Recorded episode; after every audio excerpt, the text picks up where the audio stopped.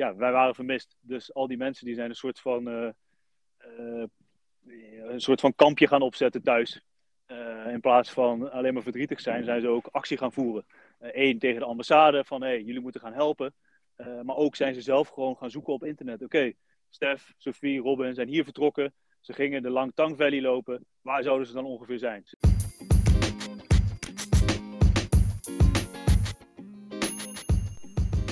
Daar gaan we weer. Een nieuwe Ik Wil Hiken podcast. Ik ben jouw gastheer Rick Mulder en in deze podcast ga ik in gesprek met outdoor enthousiaste mensen. Van vrienden die besloten hebben een eigen trekkingrugzak te ontwerpen, tot het lopen van vijf weken door de wildernis met een filmcrew op je nek voor een documentaire. In de Ik Wil Hiken podcast komt werkelijk alles voorbij wat maar iets te maken heeft met outdoor of hiken. In deze podcast hebben we misschien niet het mooiste, maar waarschijnlijk wel het meest bijzondere verhaal. Namelijk het verhaal van Stef. Hij ging zijn zusje opzoeken in Nepal en belandde tijdens een trekking in een van 's werelds heftigste aardbevingen ooit terecht. Nadat wij elkaar hadden gesproken in de podcast over Header, dit is aflevering 3 van de Ik Wil Hiken podcast, raakten we over dit onderwerp aan de praat. Omdat ik zelf met Laura in 2016 naar Nepal ben geweest en we dit deden ook om het land weer economische steun te geven na deze ramp, moest ik toch wel een podcast met Stef opnemen. Zo praten we bijvoorbeeld over de doodsangsten die hij heeft uitgestaan. Vertelt hij openhartig over wat dit hem heeft gedaan toen hij thuis kwam. En hoe het was voor zijn ouders dat hij drie dagen lang als vermist was opgegeven. Ik kan er nog heel lang over doorpraten, maar het is tijd om naar Stef en zijn verhaal te luisteren.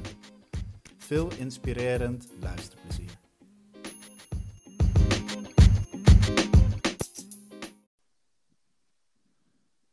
Nou, ehm, ja, ik zit uh, dus, uh, nou ja, ik zit nu tegenover mijn laptop, maar ik uh, heb Stef aan de lijn.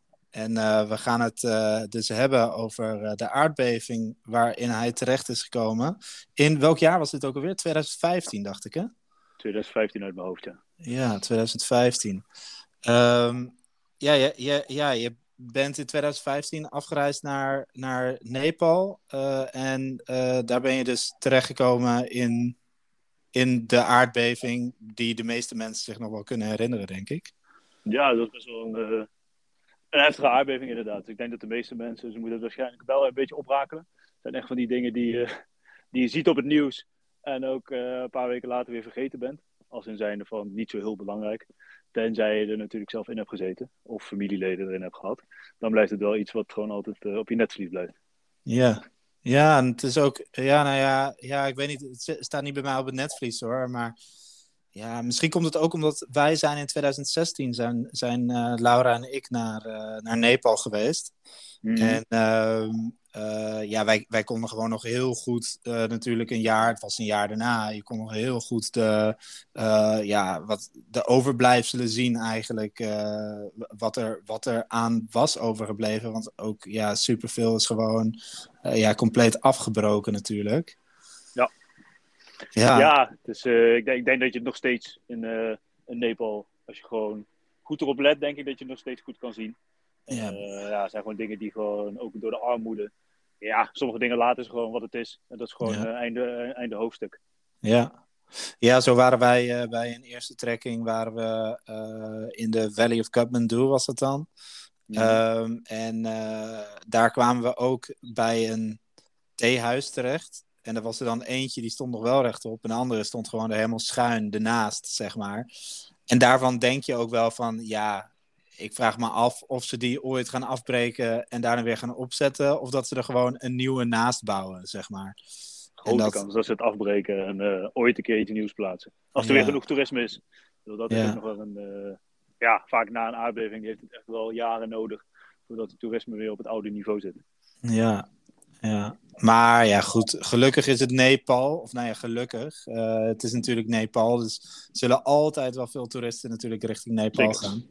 Zeker. Want uh, ja, want dat is ook wel voor jou waarschijnlijk dezelfde reden als waarom de meesten er naartoe gaan, is natuurlijk de bergen.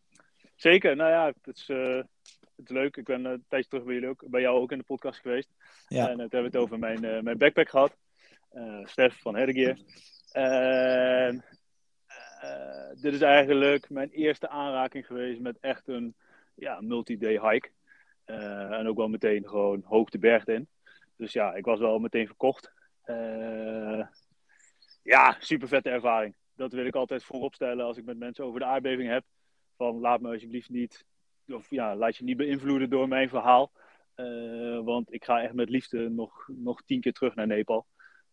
omdat het gewoon zo'n geweldig land is. Met zulke geweldige bergen en mensen die daarin wonen in die bergen. En die je gewoon ontvangen met open armen. En je lekker eten geven en je een, een, slaapplek geven.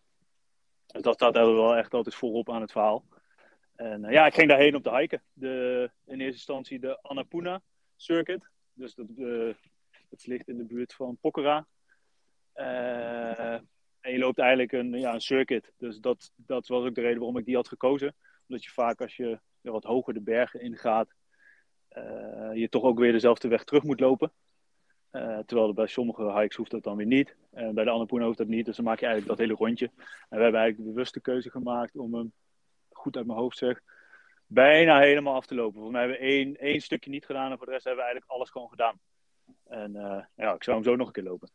Ja, precies. Want de Annapurna Circuit, dat is zeg maar een ronde dan, toch? Om het Annapurna-gebergte. Ja, ik, Ik, ik heb daar ook gelopen, dus ik zeg toch. Maar ik weet het eigenlijk gewoon hartstikke goed. want, uh, maar het is meer even voor de luisteraar ook van, uh, om een beeld te krijgen. het ligt een beetje, je hebt dan Pokhara, dat ligt dan een beetje links van Pokhara. En het is, het is een van de, ik denk, een van de ja, meest gelopen circuits in, in, uh, in Nepal, dus, denk ik. Ja, dat weet ik wel zeker. Je hebt nog wel ook uh, bij het Annapurna gebergte. Een daarvan is naar Annapurna Basecamp. dat is eigenlijk een één, of volgens mij kan je er maximaal een tweedaagse hike van maken. Die komt vanuit één stadje gaat die. Dat, dat is gewoon echt een hele drukke bezochte wandeling. Dat merk je ook als je daar op een gegeven moment doorheen loopt. En voor de rest is de Annapurna Circuit ook wel een van de allerbekendste. Je kan hem wel weerszijden oplopen. Uh, uh, en ja, hij is goed te doen. Je moet wel, ik moet wel eerlijk zeggen dat ik me, kan me niet op verkeken, maar boven die 3000 meter, wanneer je in aanraking komt met, ja, echt met hoogte. En dus ook met hoogteziekte. ja, dan wordt het wel gewoon wat pittig. En die laatste dag, dan moet je de Talong Pass, als ik het goed zeg, mm -hmm. moet je overheen nou ja, dan kom je wel echt, uh, wat je ook wel eens in documentaires ziet en zo, dat je gewoon echt stapvoets naar boven toe loopt. Uh, en ook om, uh, volgens mij zijn we om drie uur s'nachts of vier uur s'nachts vertrokken. Dan ja, kom je daar wel echt mee in aanraking. Maar dat maakt het ook wel super tof. Dat je gewoon echt zo'n experience meemaakt om gewoon echt een, een pas te lopen. Ja, precies. Hey, en, en was het dan ook tijdens die circuit ehm, dat jij in die, in die aardbeving terecht bent gekomen? Nee, nee, nee. Ik, uh, nou, misschien goed om erbij te vertellen. Mhm. Ik ging eigenlijk mijn zusje opzoeken. En mijn zusje was in, in haar jonge jaren best wel een reiziger, reizigster. En ze was samen met de zus, het zusje van een goede vriend van mij, Simon, ook van Herdegear. Ja. waren zij met z'n tweeën in Azië op vakantie. Een beetje aan het rondtrekken. Zoals mij waren ze net in Australië geweest. En ik was net klaar met studeren, CNV. en ik dacht eigenlijk, ja, wat moet ik nou? Ik zou eigenlijk wel graag gewoon ook even naar mijn zusje toe gaan. Dus gewoon met haar gebeld. En toen uiteindelijk samen besloten, samen met Robin erbij. Dus Sophie en Robin. ja, dat we eigenlijk wel gewoon in Nepal wilden gaan wandelen. Dus we hadden de Annapurna eigenlijk gedaan. Zonder enige verwachtingen, maar we vonden het zo vet. Dat we zeiden van, ja, oké okay, Stef, hoe lang heb je nog? Oké, okay, je hebt ongeveer nog, wat was het? Ik denk tien dagen had ik nog in Nepal. Ja. Uh, maar ja, alles gaat niet zo snel daar. Het is niet een eh, TCV die even naar de, naar de rand toe rijdt. Dus ja, je moet altijd even een bus incalculeren. En we zaten toen in de Pokhara, toen hadden we eigenlijk besloten, omdat we het zo vet vonden, laten we dan de Langtang gaan lopen, Langtang Valley. dus we waren eerst weer naar de hoofdstad gegaan, Kathmandu. En van daaruit, volgens mij, als ik het goed zeg, naar links boven een beetje. Dus nog best wel een, een bustocht van vijf, zes uur. Ja. En daar eigenlijk op de eerste dag dat we daar aan het wandelen waren, zijn we in die aardbeving terechtgekomen. En ja, daar, daar, is uiteindelijk alle, alle ellende begonnen. Van een van de mooiste ervaringen naar een van de meest ja, wel vervelende ervaringen die ik heb meegemaakt in mijn leven. Ja, want uh, kan, jij, uh, kan je ons daar een beetje in meenemen? Ik denk ook dat ik. Um, um, want jullie zijn ook op televisie, uh, op televisie geweest bij Pauw, volgens mij. Ja, wij zijn eigenlijk. ik zou, ja, nou, dit stukje zou ik even gewoon van begin tot een beetje. ja, de, ja, helemaal goed. De hele reis. maar we zijn inderdaad meteen naar, naar Pauw toe gegaan. we vonden dat eerst wel lastig, omdat we dachten van ja, we willen eigenlijk helemaal niet in die spotlight komen. Nee. Uh, maar we hadden ook uh, Standby Nepal opgericht, het goede doel. Uh, en we hebben dat dus eigenlijk gewoon aangegrepen. En dat hadden we ook met Paul afgesproken. van oké, als we komen, dan willen we op het einde wel ons rekeningnummer kunnen noemen. dat we in ieder geval geld kunnen ophalen voor Nepal. En dat mocht. Dus ja, dat was ook een soort van goede, een goede deal. Maar, uh, ja, precies. En, en nou ja, ik was aan het terugkijken en uh, ik zag dus die beelden. En uh, ja, dat ziet er toch gewoon ja, super heftig uit. Dus ik kan me ook echt indenken dat het gewoon een super heftige, heftige ja, situatie is. Dat je misschien zelfs wel denkt, nou, dit is het einde. Gewoon, hier stopt het, weet je wel. Dat um, hebben wij wel, wel zeker gedacht. Nee, ja, we waren eigenlijk net, ja. net begonnen. En je loopt in een best wel een soort van dal. Uh, nou, net zoals bij heel, heel veel wandelingen, een smal paadje. En uh, we waren eigenlijk net, kwamen we aan in Bamboo Village. Eh, best wel een heel klein, drie, drie tea houses waar je kan slapen eventueel. En het was 12 uur middags uit mijn hoofd. En we dachten, ja, we gaan hier even lunchen. ik had ook nog last van mijn darmen. Dus ik moest sowieso eventjes even stilzitten. En, en we zaten daar eigenlijk, we hadden volgens mij net wat eten besteld. Uh, er zaten nog wat mensen om ons heen met wie we aan het praten waren, waarvan twee jongens uit Israël. Uh, heel veel mensen uit Israël die zijn daar, nadat ze uit het leger komen, gaan ze daar uh, in Nepal gaan ze wandelen. En waren eigenlijk best wel leuk, hadden we gewoon een gesprek. En ja, eigenlijk uit het niks begint gewoon de wereld te schudden. in eerste instantie best wel, best wel wat langzaam. En dat begon eigenlijk steeds heftiger te worden. Dat je ook elkaar gaat aankijken van oké, maar het is allemaal in een soort van split second gebeurt dat allemaal. Ja. En uh, ja, en op een gegeven moment zit je gewoon in een aardbeving. Maar op zich dat de wereld beweegt, dat, dat is nog wel. Ja, nou ja, dat, dat kan je niet echt uh, meteen plaatsen. Alleen ondertussen, omdat je in een soort van dal zit, komen dus wel linksom en rechtsom komen er gewoon brokstukken naar beneden gevallen. En ja, volgens mij was de, noem je dat ook weer, de magnitude van die uh, aardbeving was volgens mij 8 uit mijn hoofd, 8,3 of zo in eerste instantie. Uh, ja, en alles komt naar beneden zetten van kleine stukken, maar van ook rotsblokken die gewoon zo groot zijn als een, als een auto. En ja, je weet totaal niet waar je heen moet. En, dus je zit eigenlijk in een soort van dolle paniek, ga je maar een beetje heen en weer bewegen als een soort van oldschool spelletje. Alsof je dingen wil ontwijken. En en wij zaten dan bij het geluk, wat ik net zei, bij twee van de jongens, daarom kon ik het ook goed onthouden, die uit het Israëlische leger komen. Die zijn zo, uh, ja, zo getraind om van een panieksituatie uh, natuurlijk te switchen naar, oké, we moeten nu handelen, uh, want daar zijn we voor getraind. Dus die nam ons meteen mee. ja, er zat daar een heel klein rotsblokje. Maar goed, alles wat je kan beschermen tegen neervallende spullen. dus die heeft mijn, mijn zusje en Robin meteen onder die rots geduwd. En daar hebben we toen, denk ik, ja, wat, hoe lang heeft het geduurd? Uh, voor jou, voor, ja, voor, voor ons natuurlijk duurde, duurde het eeuwig. Uh, maar volgens mij stopte de eerste aardbeving na ongeveer een minuut. Uh, dan kom je daar een beetje soort van uit en toen begon eigenlijk meteen de tweede. als een soort van, ja, gewoon extra schok die er meteen achteraan komt. En het is weer meteen onder die rots. En toen stopte denk ik na, ja, wat zal het zijn geweest, twee minuten.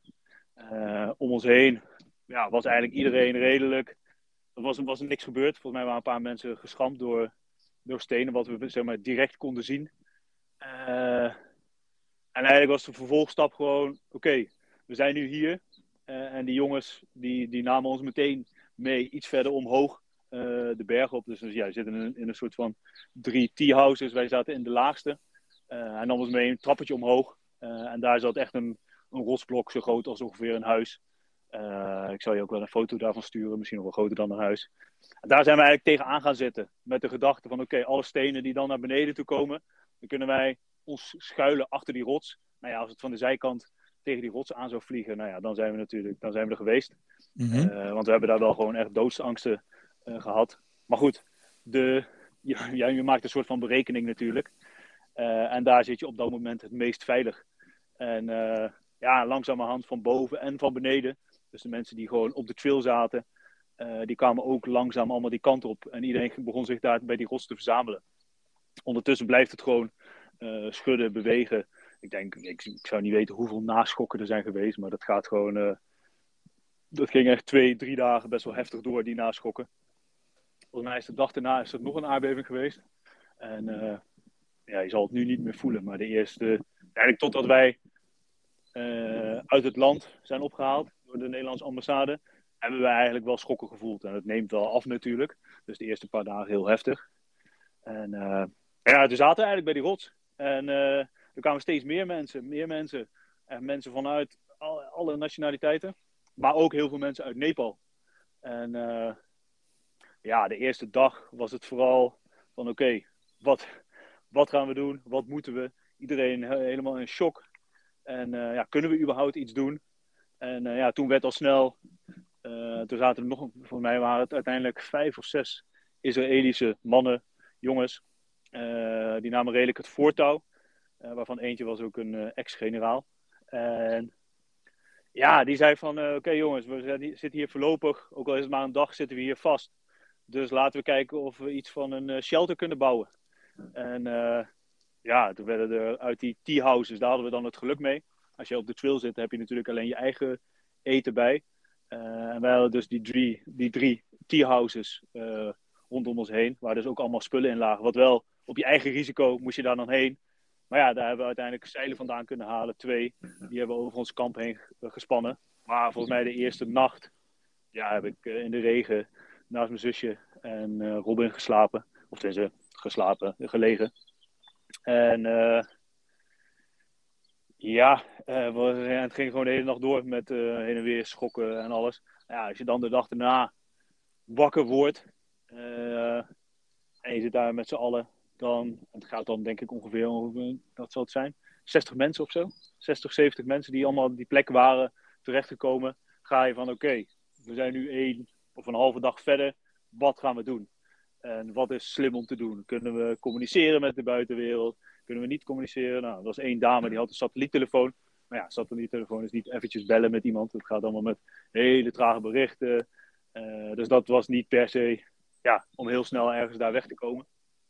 Eh, en toen werd het snel van oké, laten we al het, eh, al het eten wat iedereen in zijn tas heeft, plus wat we uit die tea houses kunnen halen, laten we dat allemaal op één hoop gooien. En eh, ja, laten we gaan kijken hoeveel we hebben. En laten we dat berekenen. En laten we kijken hoe lang we hier de aankomende maand eventueel kunnen zitten. als we, voor mij zijn we toen in onze berekening van een soort van maand uitgegaan. Dat we daar vast konden zitten. ja, dan zouden we ongeveer twee bakjes rijst, plus nog wat, uh, ja, gedurende de eerste twee weken nog wat, uh, wat snacks en zo. Uh, zouden we dan kunnen eten. En we zaten gelukkig best wel dichtbij een rivier, wat wel vervuild water is. Maar ja, op het moment dat je daar zit, krijg je ook best wel een band met iedereen om je heen. En op een gegeven moment zijn er wel mensen zijn gewoon gaan wandelen. Die zeiden van ja, ik ga hier niet blijven. Dus iedereen die gaat ook zijn eigen keuzes maken, waardoor je uiteindelijk met een volgens mij op dag drie. Ik ga er een beetje soms hakken tak doorheen. Maar op dag drie volgens mij waren we nog met een groepje van, ik denk, 26 mensen uh, internationaal. En dan nog wat mensen uit Nepal. Die, ja, die redelijk met ons betrokken voelden. Maar die merkten ook op een gegeven moment natuurlijk gedurende uh, het traject. Uh, dat zij nooit opgehaald zouden worden. De mensen uit Nepal dat zijn de locals. Uh, Die hebben geen geld, dus die, worden niet, die, ja, die krijgen geen rescue-medewerker om hem te bevrijden. Die gaan er ook, ja, die, die merken die spanning en die gaan zich ook op een gegeven moment, die zeggen van ja, allemaal leuk, maar jij zit hier mijn eten op te eten. En ik kom zo meteen weer terug in mijn kapotte teahouse en ik heb geen geld. En het toerisme is weg. Dus er kwam best wel een soort van, ja, spannende spanning kwam er eigenlijk, ja, die kwam er te hangen. Ja. Waardoor wij uiteindelijk als toeristen gewoon ja, het geld wat we hadden hebben op een hoop gegooid en hebben we verdeeld bij die, bij die mensen. Daar hebben ze in ieder geval iets. En eh, wij hadden het toch niet nodig op dat moment. En eh, toen hebben ze ons ook, ook gewoon de zakken rijst die we dan, er waren volgens mij twee zakken rijst. Eh, die konden we dan ook behouden en dat soort dingen. Eh, ja, goed, dat, ja, dat is wel. eh, En, en, want jij, je had het over die schokken, zeg maar. Eh. En dat, dat bleef maar doorgaan.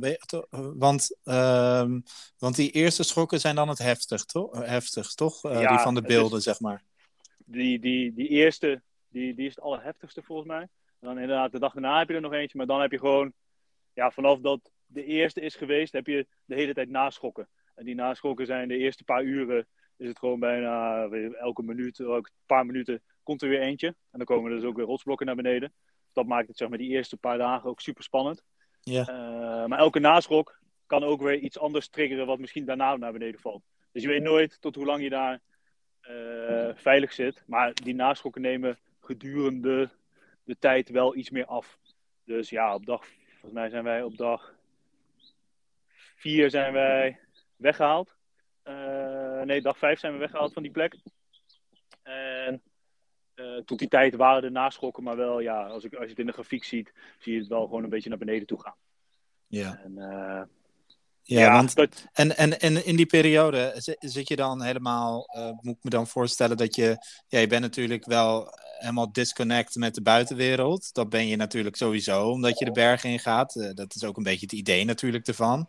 Je gaat eigenlijk weg om eventjes, eh, nou ja, gewoon even lekker de natuur in te gaan. Dat is het idee. even.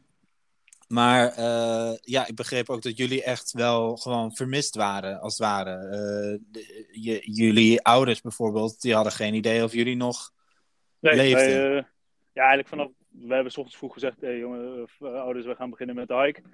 En ja, eigenlijk zijn we toen, als ik het goed zeg, drie dagen of vier dagen zijn we vermist geweest. Volgens mij zijn mijn zusje en ik vier dagen vermist geweest. En is Robin door, door die satelliettelefoon. Op een gegeven moment hebben we via die satelliettelefoon mocht iedereen naar één gezinslid een, een appje sturen. Eh, op de een of andere manier zijn onze appjes verkeerd gestuurd. Dus onze ouders hebben nooit dat berichtje gehad. Een sms'je is het eigenlijk beter gezegd. Ja, Eh, dus die wisten nog steeds niet of wij in leven waren op dag drie.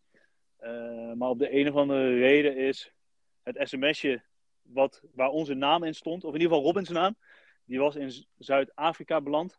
En die mensen die hebben dat op Twitter gepost. Eh, ja, mensen zijn allemaal onze ouders, maar ook vrienden. Ja, wij waren vermist. Dus al die mensen die zijn een soort van, eh, eh, een soort van kampje gaan opzetten thuis.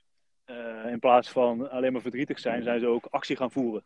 Eén tegen de ambassade van hey, jullie moeten gaan helpen. Maar ook zijn ze zelf gewoon gaan zoeken op internet. Oké, Stef, Sophie, Robin zijn hier vertrokken. Ze gingen de Langtang Valley lopen. Waar zouden ze dan ongeveer zijn? Ze ze stuurden om 8 uur een berichtje.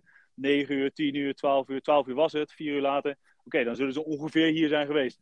Nou, ze hadden het eigenlijk zonder dat wij er iets over hadden verteld. eh, hadden zij al helemaal achterhaald dat wij bij Bamboo Village zouden zitten. Nou ja, dan ga je opzoeken op internet, op Twitter. Hashtag Bamboo Village. Oké, er zijn meer mensen die dit hebben bedacht. Eh, en zo gaan ze eigenlijk een heel netwerk is er gevormd om ons te kunnen vinden. ja, Eh, wat ook wel weer super mooi is. Eh, maar inderdaad, mijn moeder die zat op een gegeven moment wel aan de, ja, aan de eh, verdovende middelen om gewoon een beetje tot rust te blijven. Want ja, die was opeens allebei de kinderen kwijt. ja. Ja, die had het idee inderdaad dat ze gewoon jullie kwijt was, ja. Ja, mijn vader die bleef een soort van positief. Ja, Mhm. dat, dat heb ik ook denk ik van hem. Ik zou denk ik ook positief blijven. Ja, Eh, maar ja, zeker weten doe je gewoon niet. En elke Nee. dag is gewoon weer een dag minder kans dat wij in leven waren. Wel hadden dan, ja, dat maakte dan de situatie niet. Terwijl er ook net zo goed dood kunnen zijn. Maar we waren gelukkig nog best wel laag. De mensen die zeg maar voor ons liepen, die al eh, ja, echt bij de valley, het zegt het ook al, Langtang Valley, dus een be- best wel open gebied daar. eh, waar boven op de eh, pieken ook sneeuw ligt. Ja, daar zijn gewoon lawines naar beneden gekomen. En ik heb ook mensen gesproken die gewoon door de sneeuw zijn moeten gaan graven. En die hebben zichzelf moeten uitgraven.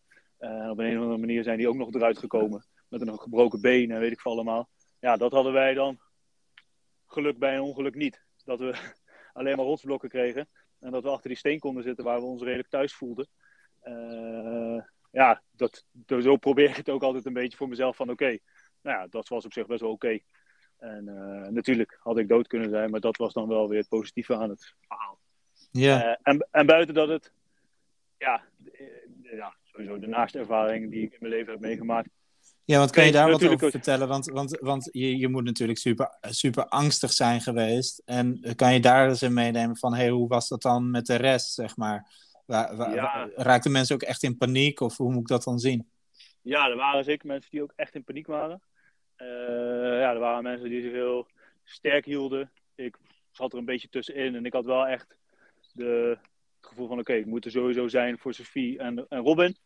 En uh, ja, op een gegeven moment maak je van de, de, de kans zeg maar, dat je daar goed zit. Dat maak je zeg maar, gewoon een soort van uh, kans dat het allemaal wel, wel goed zit. Dus dat je die, ja, ik denk dat dat gewoon in je natuurlijke lichaam zit. Dat je gewoon die angst probeert een beetje weg te jagen. En natuurlijk als er weer een, een naschok kwam of er kwamen weer dingen naar beneden. Dat iemand, iedereen schoot dan weer in een soort van paniekmodus. Maar in de tijden dat, dat het even rustig was en er niks naar beneden kwam zetten, werd er op een gegeven moment op dag drie ja, werd er uh, ukulele gespeeld en uh, werden liedjes gezongen. En uh, ja, iedereen kreeg taakjes. De een ging het kamp schoonmaken met een clubje, de ander ging water filteren. We hadden een, waterfiltratiesysteem gebouwd zelf. Met water koken. En op een gegeven moment konden we acht of twaalf flessen tegelijk filteren. En de andere gingen koken. En ja, ik moest natuurlijk een toilet buiten het kamp maken, want dan neem je al die bacteriën terug. Dus je krijgt een soort van familie-ding. ja, totdat we eigenlijk eigenlijk was dat super, ja, super mooi om mee te maken. Dus dat je echt een soort van familie bouwt. Uh, totdat je op een gegeven moment uit het niks, op dag drie, als ik het goed zeg, landt er een helikopter bij ons. En uh, uh, ja, die landt en die, die neemt alleen Japanners mee. En dan begin je echt opeens van: oké, wat is dit nou voor een, voor een apart? Waarom worden, worden zij opgehaald en waarom ik niet? Dan op een moment krijg je toch weer een soort van sfeertje van oké, blijkbaar hebben mensen toch contact. Uh, ik weet niet, goed, nog steeds niet goed hoe zij contact hadden. Volgens mij was het iets met een, een van de instructeurs van die Sherpa's die er was. Die had iets gedaan waardoor zij werden opgehaald. Mm -hmm. maar ja, dat zijn dan weer dingen die, die maken dan een soort van onrust. Van oké, dus jij wordt opgehaald. Om welke reden dan ook. Misschien heb je een miljoen betaald, misschien heb je niks betaald. Uh, maar blijkbaar moet ik dus ook voor mezelf gaan opkomen. Dat maakt dan wel weer een extra spanning. Uh, ja, voor de de angst, die overwin je op zich best wel snel. Want ja, je moet daar toch zien te overleven. En uh, over de angst specifiek heb ik echt pas vele, vele maanden later, toen ik in een best wel stressvolle periode zat, thuis met het organiseren van, van een festival. Daar praat ik echt over een half jaar, drie kwart jaar verder. toen heb ik op een gegeven moment, toen ik op de snelweg zat in de auto, heb ik een paniekaanval gehad. En heb ik echt EMDR gedaan. En uh, ja, heb ik echt aan moeten werken om, uh, om die spanning uit mijn lichaam te krijgen. Ja. Maar dat heeft best wel even geduurd voordat ik die, ja, voordat dat zeg maar mijn lichaam overnam.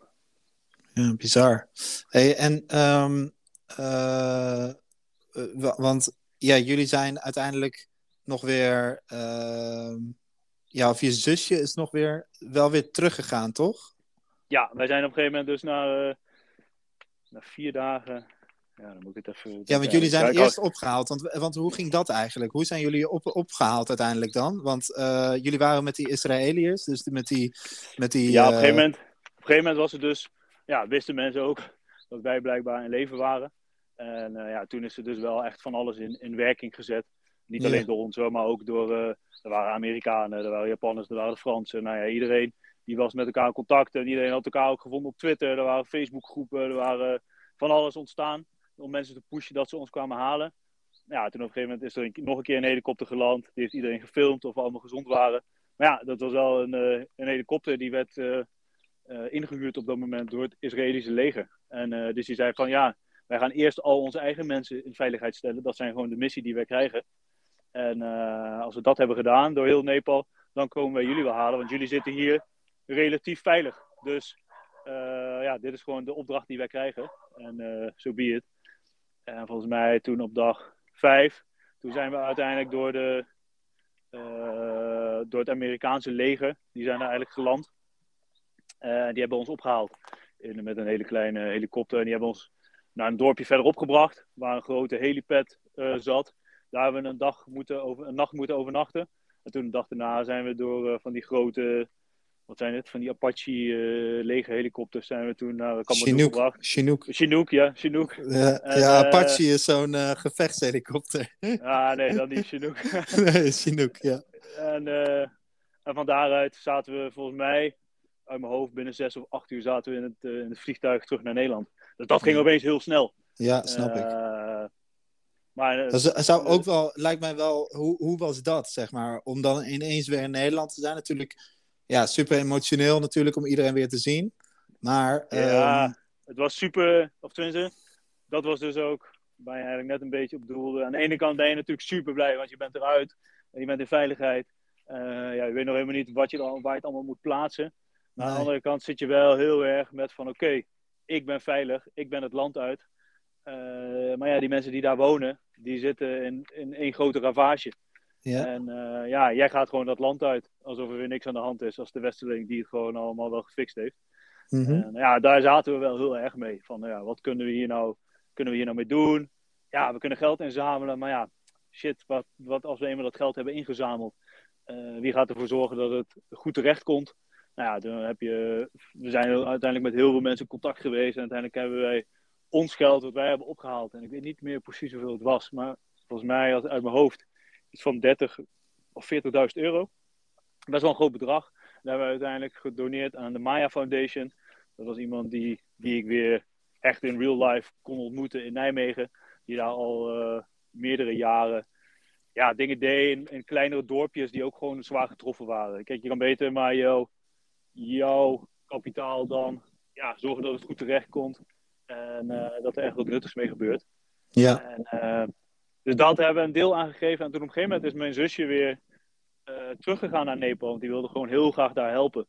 En uh, dus, ja, die heeft daar echt van alles gedaan. En op een gegeven moment is ze een soort van beland in een, in een dorpje. Ik weet de exacte naam niet, maar in de, in de buurt van Langtang. Als ik me niet vergis. En uh, ja, daar is ze gaan inventariseren in, de, in dat dorpje. Van oké, wat zijn jullie specialiteiten dan? nou, dat was kleden maken. Nou, toen ze weer opnieuw geld ingezameld. Ik ook weer vanuit Nederland, maar zij vooral met gewoon haar eigen krachten. Uh, en met een paar andere mensen die ze daar had ontmoet. En uh, ja, ze was echt van plan om daar te, gewoon te gaan wonen en die mensen te helpen. En uh, dus hadden twee grote spinmachines hadden ze opgekocht. En ze hadden een hele soort van mini-fabriekje laten bouwen. En al hun eigen geld ingestoken. En toen kwam het. Ja, die mensen die, die leven van dag tot dag. En die zeiden op een gegeven moment, ja, leuk Sophie. Maar volgens mij ga jij met al het geld er vandoor. Dus die, uh, ja, die, die vertrouwen je dan niet. En dat zit gewoon zo diep geworteld in die, in die cultuur daar. Ja. Uh, ze doen het niet eens bewust, maar het is gewoon wat het is. En uh, ja, dat maakte Sofie weer helemaal hopeloos. Dat ze dacht van, ja shit, ik kan hier gewoon niks goeds doen. Dus ja, die heeft daar volgens mij een jaar lang lopen touwtje trekken. Dan uiteindelijk weer iedereen kunnen optrommelen van, hé, hey, we gaan dit doen. En uiteindelijk dan toch weer niet. Toen op een gegeven moment heeft ze gezegd van... Hé hey jongens, uh, ik, ik, dit, dit houdt gewoon op voor mij. Ik, uh, ja. ik kan hier niet uh, energie en liefde in blijven steken als jullie mij niet vertrouwen. En toen is het eigenlijk opgehouden na twee jaar volgens mij dat ze heeft gezeten. Ja, want dat, dat denken zij dan. Zij, zij, zij hebben dan het idee van... Oh, dat, dat is dan... Dat, ja, je bent een westeling, dus je neemt dat geld gewoon weer mee naar huis. En, ja, je komt hier op onze Een beetje ons uit, uit de buiten, een beetje dat idee. Ja. Terwijl mijn zusje daar gewoon uh, tot en met de laatste euro stak in dat project om het te, te regelen voor die mensen. Ja. ja. dat zit gewoon zo diep in de, geworteld in die, in, in de cultuur. In de, ja, in de ja, cultuur. Ja, ja, dat is ook gewoon, uh, dat heeft ook te maken natuurlijk met uh, de kono, ko, kono nou ja, je weet het. van, van de Engelsen natuurlijk en de Portugezen die daar natuurlijk zijn geweest. Ja, dat gaat er ook waarschijnlijk gewoon nooit meer uit. En, nee. heel jammer. Ja, generatie op generatie en dan misschien, zeg maar. Ja, maar... Ik hoop het. Ik hoop het uiteindelijk. Ja, let's hope, let's hope. Maar um, even kijken, jullie hebben toen die, uh, die, dat, dat geld ingezameld en zo.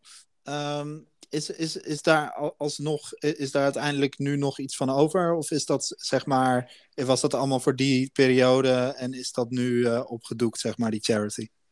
Uh, nou ja, kijk, een deel is gewoon echt direct naar, noem maar, de snelle hulp gegaan. Dus dat was gewoon eten, doeken. Want het was ook nog een keer, op een gegeven moment kwam de winter eraan natuurlijk. en dat deel wat Sofie dan inderdaad had, van die, echt, ja, die fabriek, die heeft ze op een gegeven moment, die spinmachines, die heeft ze cadeau gedaan aan een ander goed doel dat in Kathmandu zat. van mensen die wel daar vandaan kwamen, maar wel een iets meer westelijke ja, mindset. Uh, volgens mij heeft ze die uiteindelijk gedoneerd daar. Uh, ja, met de hoop dat ze dan goed terechtkwamen. Volgens mij, ik weet niet of ze dat gebouwtje, de fabriek, zeg maar, of ze die heeft laten staan als een soort van ja, community house. Of dat ze die uiteindelijk heeft afgebroken. Dat, dat durf ik eigenlijk niet te zeggen, want dat werd toen weer de volgende strijd natuurlijk. Ja, en wie mag er dan erin zitten? Ik wil de sleutel, ja, ik ook. En ja, het is gewoon een eeuwige ja, ik zeg, je zou er bijna depressief van worden. Dus ik, ik, ben bang dat dat zelfs misschien uiteindelijk is afgebroken. Of wel misschien door de community is afgebroken om weer te kunnen verkopen of wat dan ook. Ja. dus er zal niet direct heel veel uh, van ja, te vinden zijn. Ik denk dat je nog wel onze Facebookpagina. Uh, Ik denk dat onze stichting nog steeds bestaat. En, uh, dus ja, je kan er nog wel wat dingen van vinden. Maar nee, dat is uiteindelijk gewoon ja, opgedoekt. En dan ga je zelf ook natuurlijk uiteindelijk weer verder. Ja. ja. Ja. want je zegt van je gaat uiteindelijk weer verder. Ben je nog wel eens uh, terug geweest weer naar Nepal? Nee, mijn, uh, mijn zusje die, die heeft er dus een tijd gezeten. Robin die is er uiteindelijk wel naartoe gegaan. Die heeft mijn zusje bezocht. En die hebben volgens mij met z'n tweeën, of misschien allebei los, hebben ze nog een keer die wandeling gedaan. Zeg maar de oorspronkelijke wandeling die we wilden gaan doen in het Langtang Valley. Uh, ja. Om het een soort van af te sluiten. Volgens mij heeft mijn zusje ook nog meegelopen met een soort van memorial walk. Uh, en ik ben er zelf nog niet naartoe gekomen. Het is wel iets wat echt hoog op mijn, op mijn lijstje staat om zeker een keertje te doen. Maar ja, er zijn zoveel dingen op mijn lijstje om te doen. Dus dat is altijd een beetje uh, pittig. Ik heb nu, ik wil waarschijnlijk in januari de Aconcagua gaan beklimmen. Dat is echt een expeditie tot 7000 yeah. meter. Yeah. Ja, dan ben je alweer een anderhalf jaar zoet natuurlijk. Zeker weten. Dat is alleen al aan Alleen natuurlijk al aan voorbereiding. En dan komt er nog bij kijken dat je daar gewoon uh, nou, meer dan twintig dagen waarschijnlijk zo'n expeditie uh, doet. Ja, daarom. Dus dan, ja, dan ben je alweer eigenlijk En alweer knaken, kost het knaken. ook. ja. Zeker. Maar goed, ik, nee, ik wilde zeker nog een keertje naartoe. En het is toevallig dat mijn vader een paar weken terug erover begon. Van, hé, zullen we dan een keertje naar Nepal toe gaan? Want ja, ze hebben natuurlijk van afstand alles, uh, ja. ja. in, die, in die bubbel gezeten dat wij weg waren, ons proberen te zoeken. Ja, die hebben daar ook een soort van eigen wereldje van gemaakt. Mm -hmm. ik denk dat zij het ook wel graag zouden willen zien van, hé, hey, hoe zit het nou eigenlijk in elkaar? Wat, waar hebben wij toen proberen Stefan, Sofie en Robin te vinden? Ja. Ja, bizar. Ja, dat, is toch wel, dat lijkt me toch wel heel apart inderdaad. Ja, de reden dat ik het vraag is omdat wij ja, wij zijn er natuurlijk toen ook geweest, wat ik zei, in 2016. En dan zag je, je zag alles nog. En je, je zag wat het had gedaan met het land. En wij zeiden eigenlijk toen uh, ook wel echt expres tegen elkaar van... Ja, waar, ja, het is misschien alleen maar beter om er juist nu naartoe te gaan. Want mm. waarschijnlijk is nu qua toerisme er gewoon een stuk minder. En kunnen we misschien daarin iets bijdragen.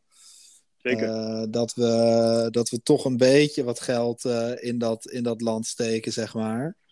Ja, ik denk dat je een van de. Nou, je zal vast wel wat toeristen zijn tegengekomen. Maar ik denk dat je een van de weinigen bent geweest vergeleken het normale spel aan toerisme. Want volgens mij. Ja, de statistieken heb ik niet meer. Maar ik, ik heb toen. Het eerste half jaar, jaar heb ik echt veel gevolgd. Op een gegeven moment zat ik ook door die. Nou ja, voor mijn paniekaanval volgde ik waar allemaal op de wereld wel aardbevingen waren. Niet heel obsessief yeah. zo, maar gewoon. Yeah. Ja, er zit dan een soort van interesse zat je daarin. En, uh, en, dan kom je ook automatisch wel op cijfers terecht van, hé, hey, ja, Nepal is maar, uh, wat was het? Volgens mij maar 7% van het toerisme gezien of zo. In uh, vergeleken andere jaren. Ja, dat is gewoon waar een land ja. eigenlijk voor 90% van het toerisme leeft. Ja. Is dat gewoon een hel. Ja, nou inmiddels is het volgens mij wel weer aangetrokken. Uh, qua, qua toerisme. Je heeft natuurlijk ook weer op zijn gat gelegen door corona en zo. Maar dat is natuurlijk voor de hele wereld hetzelfde geweest. Ja. Uh, maar voor zulke landen is dat natuurlijk altijd een stuk erger. Dus wij, wij, wij zitten er een beetje over na te denken. Kijk, wij, wij voor corona, toen waren wij in India. En wij hadden toen vanuit uh, Goa hadden wij een treinticket al klaar liggen. om naar Nepal te gaan. Toen. Okay ehm, toen kwam nou, een beetje die heisa rondom corona. Nou, we zaten in een hostel daar, dus toen hoorden we van iedereen van... eh, ja, eh, nou, ik ga dit doen en ik ga dat doen. En iedereen heeft andere belangen en iedereen komt uit een ander land. Dus voor de een eh, ging het land daar op slot en daar op slot. Toen zeiden we nog van, misschien kunnen we er nog een beetje tussendoor glippen gaan we nog uh, naar, uh, naar Nepal. We boeken gewoon een vliegticket en dan zijn we daar maar. Want we zouden daar ook voor een charity uh, program zouden we daar een maand in ieder geval helpen ergens. Laura die zou hun helpen met, met de bouw van een website en het schrijven van teksten en zo. Laura is natuurlijk afgestudeerd journalist, dus die kon daar heel goed mee ondersteunen. En, ehm, en ik zou daar helpen met andere, met andere dingen. Maar Um, dus wij dachten, ja, wij, wij willen daar gewoon heen, want we hebben daar een doel, zeg maar. Um, dus toen, nou, die vliegtickets geboekt. En toen uiteindelijk, uh, toen werd volgens mij die dag daarna, kregen wij al gelijk een bericht van, uh, ja, de vliegtickets worden gecanceld. Er mogen geen toeristen meer van het buitenland uh, Nepal in. Uh, en toen is dat in een stroomversnelling gegaan. En toen waren we echt binnen volgens mij twee dagen of zo daar weg uit het hostel. Want toen werd ook helemaal die provincies afgesloten. En, en toen waren we ook binnen, binnen twee, drie dagen waren we toen uh, via een flinke omweg, via Ethiopië, nog geland in Brussel en Parijs. Uh, zijn we uiteindelijk in, in Nederland weer terechtgekomen in corona. de piek, corona. zeg maar, in de echte ja, dat was een hele, hele bizarre gewaarwording. Maar ja, wij zouden dus naar Nepal gaan. Dus en hij staat zitten... op het lijstje dus. Ja, wij staan dus echt nog een beetje... We zijn dus echt nog, uh, dat we tegen elkaar zeggen... Eigenlijk willen we nu corona allemaal wat weer wat is gaan, gaan liggen in ieder geval. Kijk, we hopen natuurlijk dat er niet weer de kop opsteekt. Maar als het allemaal een beetje zo blijft... dan uh, zijn we wel van plan om... Uh, om misschien begin volgend jaar in, in, in februari of januari toch nog uiteindelijk die laatste reis te maken. Misschien wel naar Goa toe, met de trein daar naartoe. Gewoon hoe we hem af wilden maken, zeg maar. Om dan nog... En ook gewoon weer om te zien, want we zijn natuurlijk eerder geweest. En ja, het is gewoon... Dat kan jij beamen. Het is gewoon een prachtig land. Ja, ik kan echt sowieso... Echt iedereen die... Nou, je hoeft niet eens van wandelen te houden. Je kan ook gewoon daarheen gaan en... Uh een yoga retreat of wat dan ook doen. Maar het is gewoon, ja, het is gewoon iets wat je gewoon in, in, in Europa echt niks tegen de Alpen of wat dan ook. Want dat is ook echt heel mooi. Dat, dat, dat vergeet je soms bijna als uh, Europeaan. Dat je gewoon ook hier naar de bergen kan. Dus dat raad ik ook zeker aan. Maar ga zeker een keer naar Nepal. Uh, want het is gewoon van een soort van ander, ja, ander kaliber. Hoogte bergen. Het is gewoon zo massaal allemaal. Overal waar je omheen kijkt. Je zo, wow, nog zo'n hoge berg. Ja. Plus de mensen. Dus gewoon, uh, ik, ja, ik weet niet hoe het nu natuurlijk is. En of, of, er een economische crisis is of wat dan ook. Maar gewoon in die, terwijl je op die, die wandelingen zit. Uh, bij die tea houses. Dat je gewoon zo vriendelijk wordt ontvangen. En gewoon elke dag een lekkere, ja, zoveel daalbad als je wil. Daarvoor ja. hebben ze ook daalbad. Dat je onbeperkt daalbad kan eten. Mm-hmm. En uh, ja, ze zijn er gewoon altijd voor je. Het is gewoon, het is, uh, gewoon, het is inderdaad wat je zegt, die combinatie van, van gewoon de natuur, uh, van, van het ene moment in het nationale nationaal park, zeg maar. De volgende dag ben je gewoon tussen de, de hoogste bergen, toppen van de wereld, zeg maar. ja, en ik, moet, ik, en ik werd helemaal echt knettergek toen ik in Kathmandu was. Maar gewoon alleen iedereen aan het toeteren is. En... Daar ben ik echt binnen. Volgens heb ik tegen mijn zusje gezegd dat ik echt binnen een dag daar weg moest. Ja. Want ja, daar, daarvoor kwam ik niet in Nepal. Mm-hmm. Maar ook Kathmandu is mooi, volgens mij. Mijn zusje heeft daar echt veel weken ook doorgebracht. Als ja. gewoon gaat wonen of langere tijd zit, ja, dan is het natuurlijk iets heel anders. Ja, ja, en het is ook wel grappig inderdaad. Wij kwamen ook terug dan uit zo'n, uh, want wij hebben toen ook zo'n uh, trekking gedaan. Uh, wij hebben niet, wij hebben volgens mij zeven dagen hebben wij gelopen. En wel in dat Annapurna-gebergte, zeg maar. Maar wij zijn niet helemaal die circuit gaan lopen. Daar hadden we de tijd niet voor. Dus wij zijn toen volgens mij naar Poon Hill. En toen hebben we met een omweg weer teruggelopen naar, naar Pokhara toe. Ja. Uh, prachtig tocht trouwens. Maar ja, toen kwamen we ook weer terug daarna, zeg maar, in, in Kathmandu. Pokhara is wel anders. Pokhara is wel echt wat rustiger. Zeker. Maar, de lange, als ik me goed kan herinneren, inderdaad de grote lange weg. Ja. En uh, ja, waar gewoon heel veel toerisme ook wel aan zit natuurlijk. Tuurlijk. Maar wel anders. Wel, wel een stuk rustiger. We waren echt in Kathmandu. Toen zeiden we ook echt van, uh, nou, uh, laten we weer terug naar huis gaan. Weet je, we hebben het gezien. Zeg maar dat. Ja. Zeker. Ja. Hey, ehm, ik had nog een, uh, een, een, een laatste vraag. Of jij moet nog iets willen vertellen?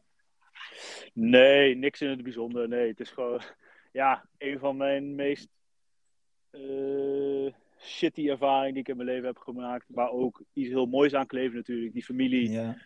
ik heb wel eens gewoon echt van de mensen de vraag gehad.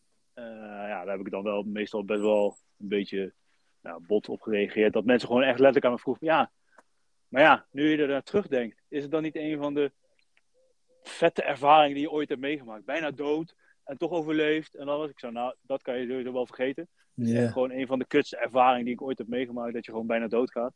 Uh, maar gewoon dat je dus, nou ja, wat je soms wel gewoon mist in deze wereld, is gewoon het, het samen zijn, een familiegevoel uh, met onbekende mensen. Dat is het allemaal maar gewoon op social media, op je telefoon en zo. En ja. Uh, ja, dat was daar even allemaal niet. Het was gewoon overleven en dat doe je met, samen, met elkaar. Ja, dat is wel iets wat ik nooit zal vergeten. Ja, maar goed, ook dat weer. Je komt terug en je zit zo in die, in die bubbel. En voordat je het weet ben je gewoon weer uh, dag en nacht aan het werken. En ben je zo, gewoon in de, in de westerse bubbel weer beland. En ben je weer een ja. Nederlander, ja. Ja, dus ja, dat gaat ook zo. Ja, dat, dat geloof ik ook wel, ja. Je kan niet altijd... Nou ja, je kan wel altijd natuurlijk in zo'n bubbel blijven. Maar ja... Uh, ja, ik weet niet. Word je ook het, niet, word je ook nee, niet word je misschien ook niet gelukkig van. Dan voelt je leven op een gegeven moment misschien een beetje zinloos, zeg maar. Exact. Um, hey, nou ja, wat ik zei, ik had dus nog een laatste vraag. Um, wat, wat jij zelf hebt geleerd uit, uit, uit deze ervaring en wat, wat je vanuit daar mensen zou kunnen meegeven? Nou, dat is eigenlijk een beetje wat ik net zei. Van, uh, uh, op het moment dat je gewoon echt in een situatie voor leven en dood terechtkomt. Uh, je, je lichaam zet het sowieso om naar iets anders. Dat je, ja, dat je gaat overleven. Uh, maar het overleven doe je gewoon niet in je eentje. Dus dat doe je echt met iedereen die op dat moment om je heen is. Uh, en dat doe je op de meest inventieve manieren. Door een shelter te bouwen met spullen die je, die je hebt op dat moment. Eten verdelen. Uh, maar gewoon dat, ja, die samen die familie opbouwen. En, dat, en daarmee proberen uit de shit te komen eigenlijk. dat is wel een van de mooiste dingen die ik heb meegemaakt. Die ik ook de rest van mijn leven zou meenemen. Dat het gewoon wel... Dat het gewoon mogelijk is om met elkaar dat te doen. En niet dat Ja. het allemaal dat individuele is. Nee, mooi. Ja, kan ik heel goed inkomen, inkomen wel. En ehm, eh, nou ja, ik adviseer mensen nu alvast om, eh, als, je, als je deze podcast hebt geluisterd, of misschien, eh, nou, misschien scroll je naar het einde, dat kan natuurlijk ook, geen idee. maar, maar in ieder geval, waarschijnlijk heb je hem helemaal geluisterd nu. En ehm, eh, om ook nog eventjes te kijken naar, naar het interview via, via Pauw, want eh, ja, er komen ook gewoon nog de beelden voorbij. En dat, eh, ja, dan, krijg je, dan, dan krijg je nog meer een gevoel erbij van, hey, waar zaten jullie eigenlijk in, weet je wel, en hoe, hoe voelt dat? En je ziet ook echt iedereen inderdaad, wat je zegt, heen en weer rennen, want je hebt geen idee wat je moet doen op dat moment. Iedereen schrikt en niemand weet eh, hoe en de wat. En dan kan ik me heel goed voorstellen, ook wat jij zegt, van dat, de, dat de schrik gewoon altijd nog in je lijf zit. En dat, dat, dat je, je altijd, waarschijnlijk wanneer je misschien iets hoort weer over een aardbeving, dat je altijd weer teruggebracht wordt naar dat moment, zeg maar. Ja, ik heb het toen echt de eerste, nou, de eerste periode dat ik... eh, ik werk dan zo binnen de evenementenbranche ook nog. En eh, als ik dan bijvoorbeeld in zo'n eh, portable kantoorunit zat. En er kwam een vrachtauto langs gereden. Die begon te trillen. Ja, niemand die die relatie maakt tot een aardbeving. Maar ik zat bij elke, elke mini-trilling zat ik weer eh, op 100% focus. Of als een helikopter, een- zo'n eh, zo'n eh, ambulance helikopter wegvloog ergens. Ja, niemand die überhaupt die helikopter nog had gehoord. Alleen omdat mijn focus zo op dat geluid zat. Van oké, er komt iemand ons mo- mogelijk helpen. Dan hoorde ik helikopters van mijlen ver aankomen. En ja, dat moest er op een gegeven moment gewoon uit. En dat heb ik dan met EMDR kunnen doen. Ja. En, en hoe is dat nu? Hoe is dat nu? Nu is het allemaal wel. Nu is het eigenlijk allemaal weg. En eh, ik heb, ja, door, ook door die EMDR heb ik dat kunnen switchen. Dus zeg maar die stresslading eraf kunnen halen. En er zijn zeker nog momenten, eigenlijk bijvoorbeeld ook altijd als ik een helikopter zie of hoor, dan denk ik er even aan, maar niet op de negatieve manier. Gewoon meer van helikopter, Nepal, maar er zit geen, geen lading meer bij. Of wat. Nee. nee. Nou, ik hoop dat je toch nog een keertje terug mag gaan. Dat die, eh, eh, ja, dat, dat, dat je ook eh, kan zien van hey, hoe is het land er op dit moment aan toe. Je bent natuurlijk daar, op het ergste moment ben je daar weggegaan. En eh, om te kijken van hey, wat, wat, wat is het land nu op dit moment. Ja, staat zeker hoog op het lijstje en dat gaat ook zeker gebeuren. Ook al Ja. is het alleen maar voor de, voor de schoonheid. Ja, precies. Ja, en ook al is het gewoon om, om nog, toch nog een keertje wat, eh, wat eh, Robin en je zusje wel gedaan hebben, die, eh, die, die trail gewoon af te maken natuurlijk. Zeker. Er rond te maken. Hey, thanks voor, je, voor, je, ja, voor het delen van je verhaal. Welkom, geen probleem. Ja, ik, ik denk dat er veel mensen van onder de indruk, indruk zijn. Dat was ook de reden van toen jij, jij hierover vertelde, dat ik eigenlijk gelijk dacht van ja, ik wil je hier gewoon over, in, ja, over spreken. En, en ik denk dat er meer mensen ook wel, ja, naast dat ze natuurlijk mogen weten van hoe prachtige land Nepal is en dat je er eigenlijk gewoon naartoe moet gaan, ehm, dat dit eigenlijk een extra stimulans moet zijn om zo'n land te supporten en om daarheen te gaan. Die mensen zijn echt straat en straatarm. Eh, de meeste Echt mensen. heel arm land. Ja, echt super arm. Het is een van de armste landen ter wereld. En ehm, eh, ja, de, de- dat is gewoon ook een reden om daarheen te gaan. Niet alleen om hoe mooi het land is, want het is een van de mooiste landen ter wereld, maar eh, ook gewoon om die mensen daar te ondersteunen en, en er voor hun te zijn, zeg maar, te su- supporten. Ja. Zeker, zeker. Dat is wel een, eh, ja, ook heel belangrijk om te doen. Ja, precies. Ehm, nou ja, nogmaals, eh, thanks voor, voor je tijd. voor, voor, Geen probleem, was leuk om te doen. Ja, voor het interview. Thanks voor je tijd en eh we spreken elkaar. Goed, fijne avond. Oké, yo.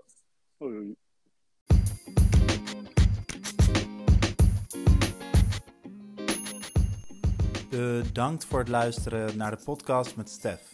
Ik hoop dat je een beter beeld hebt gekregen van de omvang van deze aardbeving in 2015. Mocht je Stef willen zien en ook wat beelden over waar zij terecht zijn gekomen willen zien, op mijn website heb ik een artikel gerepost van Pauw. Hier waren Stef, zijn zusje en een vriendin vier dagen na de ramp te gast. Wil je nu na het luisteren van deze podcast wat doen voor Nepal? Dan zou ik vooral zeggen: ga er naartoe en doe een trekking. Doe dit dan niet alleen, maar doe dit samen met een gids. En zorg ervoor dat er wat extra geld in de economie van Nepal terechtkomt. Wil je liever wat dichterbij beginnen? Dan organiseer ik ook trektochten in Nederland. Dit zijn belevingstochten waarbij je twee dagen lang over de Veluwe loopt en van alles leert over de natuur, maar bijvoorbeeld ook over vuur maken. De data's van deze belevingstochten zijn op 21, 22 mei, 28, 29 mei en 11 en 12 juni. Bekijk vooral even de website voor alle info over deze tochten. Deze podcast is niet gesponsord, maar Stef is mede-eigenaar van Headgear. Dit is een outdoormerk die een van de meest duurzame rugzakken van dit moment op de markt heeft gebracht. Dit door Nederlandse vrienden opgestarte merk moet je toch wel een keertje bekijken, vind ik. Ga naar www.herregear.com voor meer info. Thanks voor het luisteren naar deze podcast en ik zeg tot de volgende.